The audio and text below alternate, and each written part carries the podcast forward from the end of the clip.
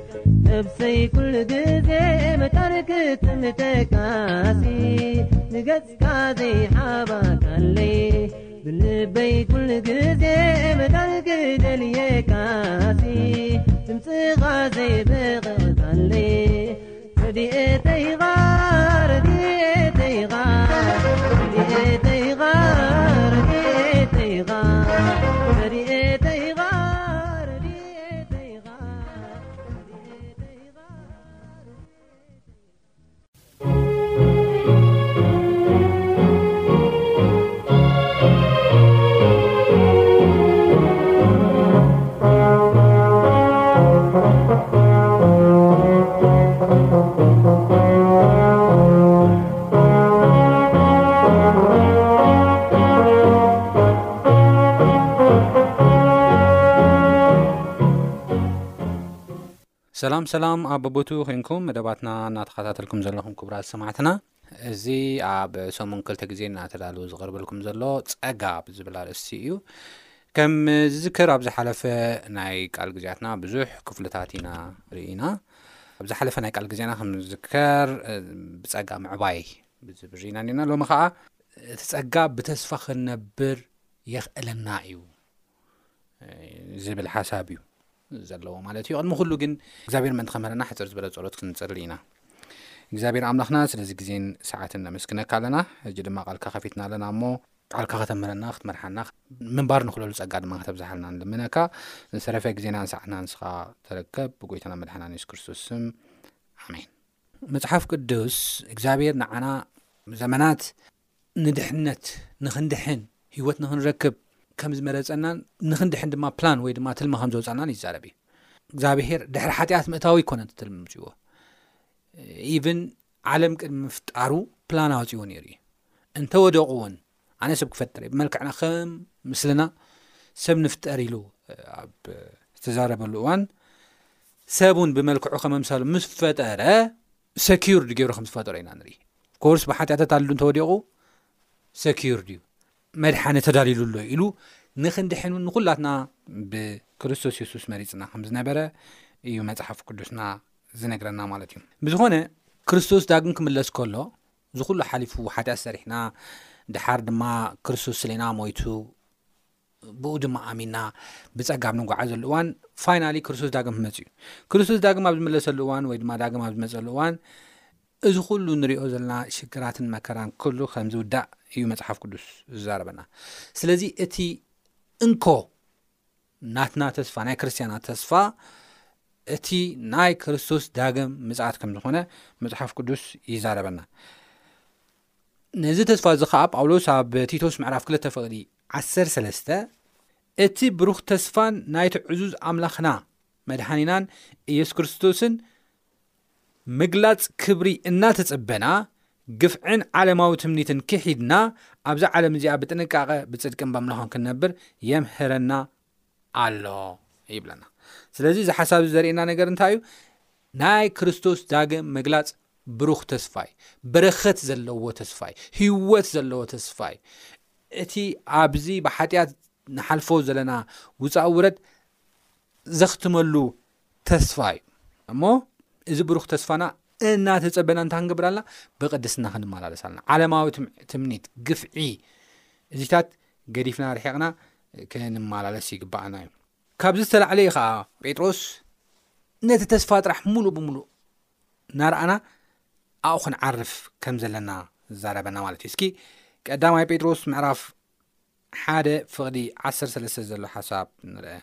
ስለዚ ሓዋኹም ልብኹም ተዓጢቅኩም እናተጠንቀቅኩም ነቲ ብምግሃድ የሱስ ክርስቶስ እትረኽብዎ ጸጋ ሙሉእ ተስፋ ግበሩ ይብለና።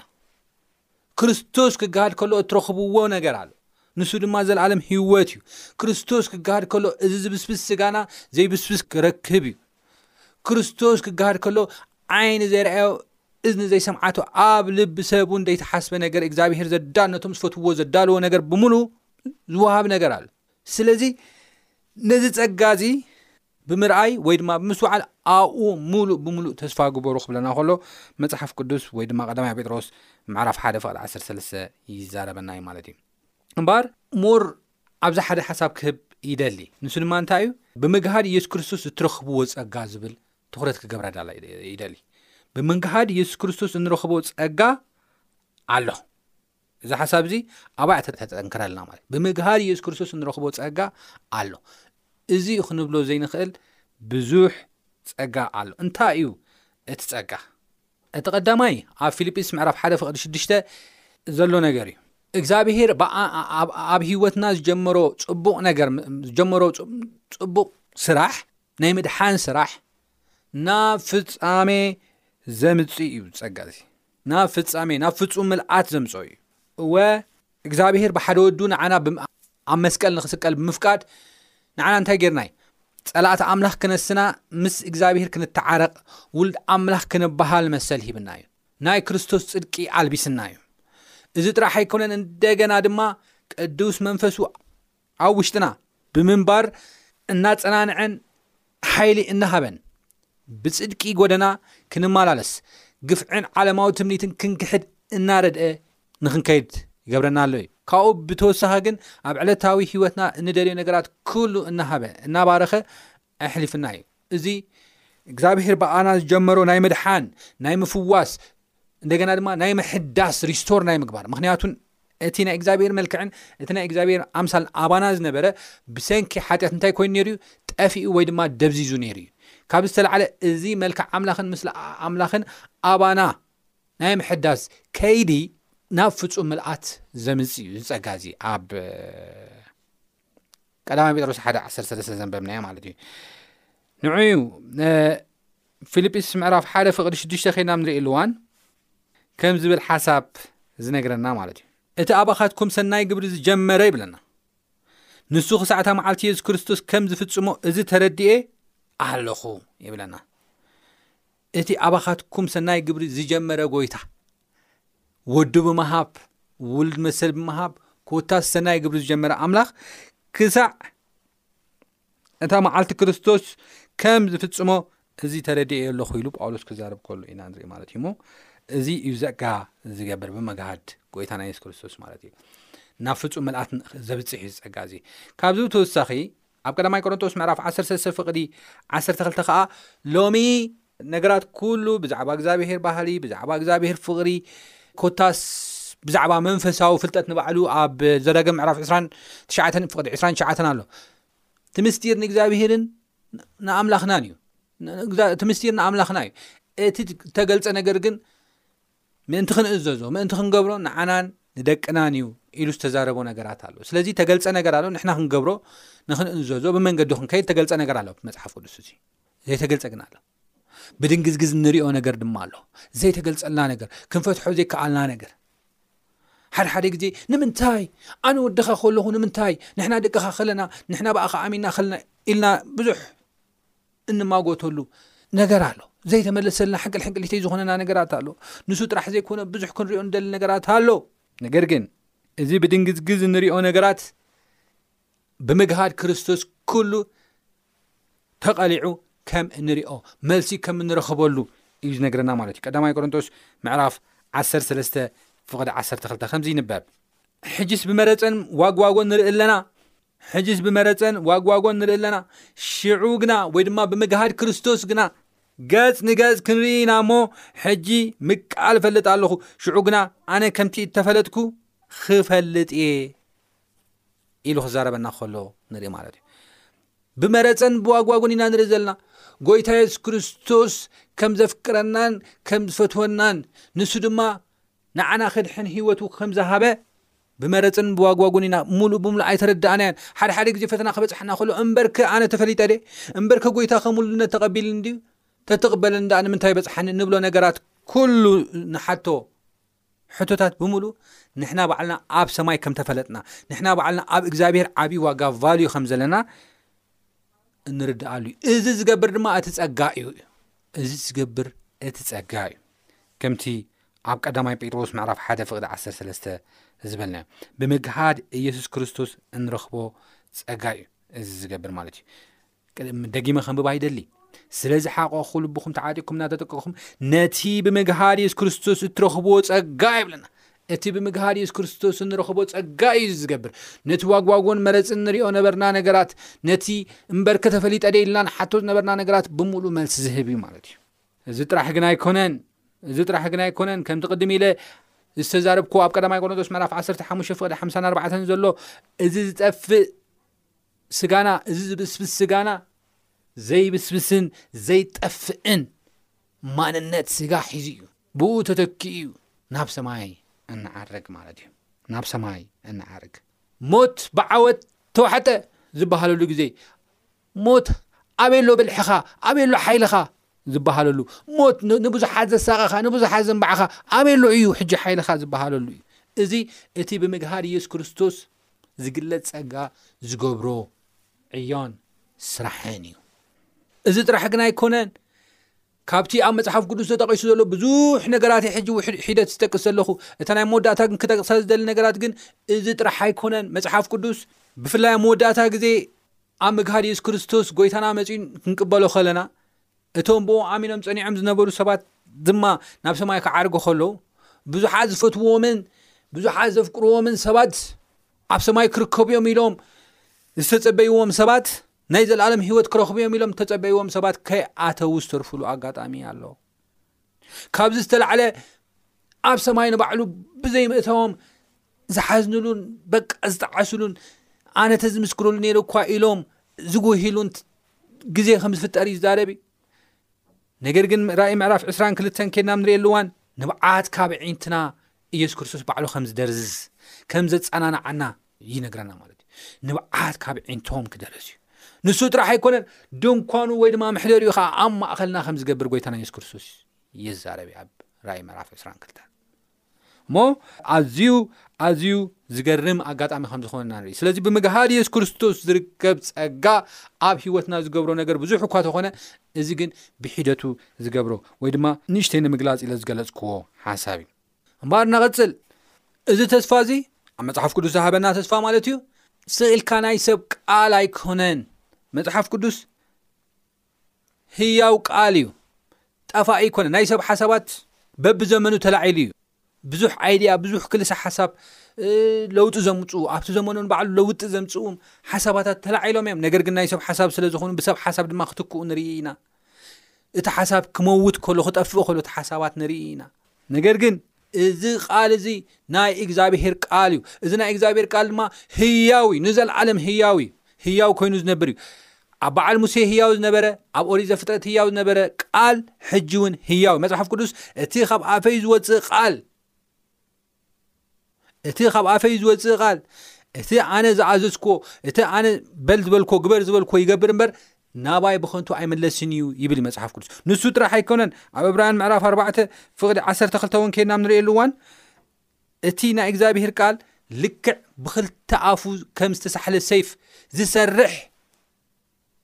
ህያው ቃል ምዃኑ ይዛረበና። ከንብባ ይደሊ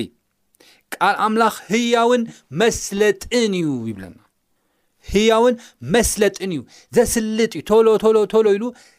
ጽቡቕ ስራሕ ብፍጥነት ዘስልጥ ዝሰርሕ እዩ እሞ ካብ ክልተ ዝኣፉ ሰይፊ ዝበልሕ እዩ ነፍስን መንፈስን መፈላለይ ኣካላትን ኣንጉዕን ክሳዕ ዝፈላሊ ዝሰጥም ኣብ ማሕላን ሓሳብ ልብን ከዓ ዝፈርድ እዩ ይብለና ማለት እዩ እሞ እዚ ብምግሃር የሱስ ክርስቶስ ንረኽቦ ጸጋ ዝገብረልና ነገራት ናረኣና ኢና ነና እዚ ተስፋ እዚ ከዓ ካብ እግዚኣብሄር ዝተዋህበ ተስፋ እዩ። ኣብ እግዚኣብሄር ቃል ዝተጻሕፈ ተስፋ እዩ። ርግጽ ዝኾነ ተስፋ እዩ። ዝኸውንን ዝፍጸምን ዘስልጥን ዝሰርሕን ተስፋ እዩ። እሞ በዚ ተስፋ እዚ ንሕና ክንነብር ይግብኣና እዩ።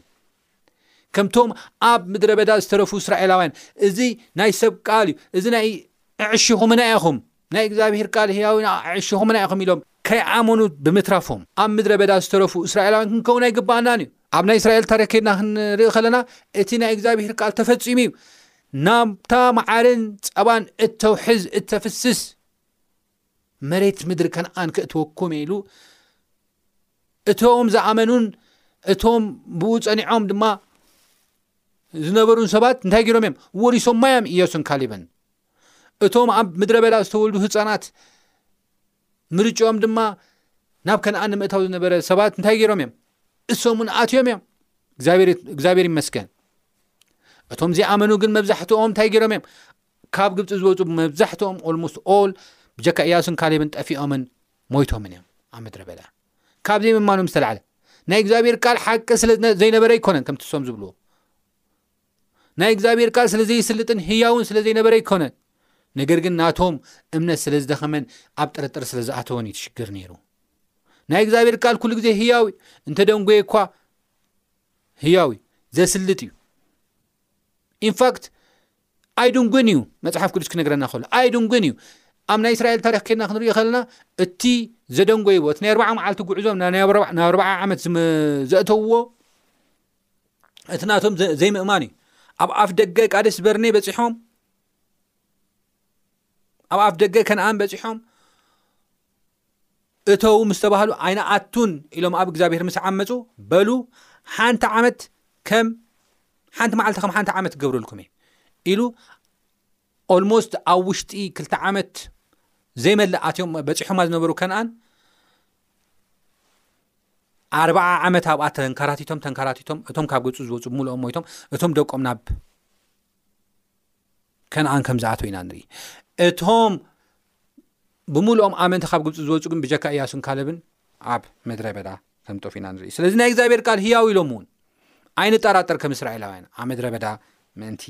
ከይንተርፍ ምክንያቱ ናይ እግዚኣብሔር ቃል ህያው እዩ ኣብ መወዳእታ ክሪኦ ዝደሊ ነገር ሕጂ እውን ናብ ካልኣይ ጴ- ናብቲ ቀዳማይ ጴጥሮስ እየ ክምለስ ቀዳማይ ጴጥሮስ ምዕራፍ ሓደ ፍቕዲ ዓሰርተ ሰለስተ እንታይ እዩ ዝብለና ሕጂ እውን ደጊመ እዛ ጥቕሲ እዚኣ ከዘኻኽረኩም ይደሊ ሙሉእ ብሙሉእ ኣብኡ ተስፋ ግበሩ እዩ ዝብለና ሓቓቑ ልብኹም ተዓጢቅኩም እናተጠንቀቅኩም እዩ ዝብለና ብምግሃድ ኢየሱስ ክርስቶስ እትረኽብዎ ጸጋ ምሉእ ተስፋ ግበሩ። ምሉእ ብምሉእ ተስፋ ንግበር ኣብኡ ምሉእ ብምሉእ ኣብኡ ተስፋ ንግበር ቅድም ኢለ እዚ ብሩኽ ተስፋና ዝፅበዩ ሰባት እንታይ ክገብርሎም ካብ ዓምለማዊ ትምኒትን ካብ ግፍዕን ካብ እግዚኣብሄር ዘይፈትዎ ነገራትን ክርሕቁ ክኽእሉ ኣለዎም ጴጥሮስ እውን ዝብለና ነገር ኣብ ቲቶስ ምዕራፍ ክልተ ፍቅዲ ዓሰርተ ሰለስተ ማለት እዩ ጴጥሮስ ድማ ሕጂ ኣብዚ ዝብለና ዘሎ እንታይ እዩ ዝብለና ኣሎ? ተጠንቂቕኩም እዩ ዝብለና ዘሎ። ተጠንቂቕኩም ብጥንቃቐ እናነበርኩም ሓጢኣት ንኸይትሰርሑ እግዚኣብሄር ዘየኽብር ነገር ከይትዛረቡ እግዚኣብሄር ዘየኽብር ነገር ኣብ ሂወትኩም ንኸይረአ ከይትሓስቡ ውሽጥኹም እውን እናተጠንቀቕኩም ሓቓቑ ተዓጢቕኩም ስራሕኹም እናከናወንኩም እቲ እግዚኣብሄር ዝሃበና ሚሽን ኣሎ ሰብ ናይ ምድሓን ሚሽን ርእስና ድማ ክርስቶስና ምምሳል ብጸሎትን ቃል ብምንባብን ናብኡ ብምቕራብ ክንጓዓዝን ክንነብርን ዝሃቦ ዕዮ ኣሎ ስለዚ ሓቋቑና ተዓጢቕና እቲ እግዚኣብሄር ዝሃበና ዕዮ እናሰራሕና ተጠንቂቕና እቲ እግዚኣብሄር ዝሃበና ተስፋ ኣብኡ ሙሉእ ብምሉእ ተስፋ ክንገብር ይግብኣና እዩ እሞ እዚ ክንገብር እግዚኣብሔር ጸጉ የብዝሓልና እናበልኩ ከምቲ ኩሉ ግዜ ዝገብሮ ግን ርእስና ክንሓቶ ዘለና ነገራት ኣሎ ምክንያቱ የሱስ ክርስቶስ ባዕሉ ኣብ ቃሉ እንታይ ኢልና ኣሎ ርእስኹም ፈትኑ ርእስኹም መርምሩ ኩሉ ግዜ ርእስኹም ፈትኑ ኣበየ ዘለኹ ኢልኩም ርእስኹም ፈትፍኑ ይብል እሞ ርእስና ንምርምረሉ ሓደ ክልተ ጥያቄ ሓደ ክልተ ሕቶ ክሓትት ይደሊ እቲ ቀዳማይ ሕቶ ክርስቶስ ዳግም ክምለስ እዩ ርሑቕ ኣይኮን ናብ ቀረባ ክመጽእ እዩ ክርስቶስ ኣብ ዝመጽኣሉ እዋን ግን ዝቕበሎ ጸጋ ኣሎ እቲ ሕልሚ ሙሉእ ዝገብር ከምዚ ቅድም ኢለ ዝበልክዎ እቲ ተስፋ ዝገበርክዎ ሙሉእ ህያው ዝገብር ነገራት ሕጂ ጸጋ ኣሎ እዚ ከም ዝቕበሎ ክሳብ ክንደይ ርግጸኛ እየ ኢልና ንሕተት። ክሳብ ክንደይ ርግጸኛ፣ ርግጸኛ ድዩስ ወይስ ይጠራጠረሉ እዩ ዝብል ሓሳብ ንርኣ። ካብዚ ብተወሳኺ ድማ። ክሳብ ክንደይ እየ እቲ ተስፋ ምሉእ ብምሉእ ኣብ ጐይታና የሱስ ክርስቶስ ገይረ ዘለኹ ኢልና ርእስና ክንምርምር ይግብኣና። እምበኣር እዚ መርሚርና ናብ እግዚኣብሔር ክንቀርብ መንገድና ከነስተኻኽል እግዚኣብሔር ጸግኡ የብዝሓልና። ኣብ ዝቕጽል ብኻልእ ክሳብ ንራኸብ።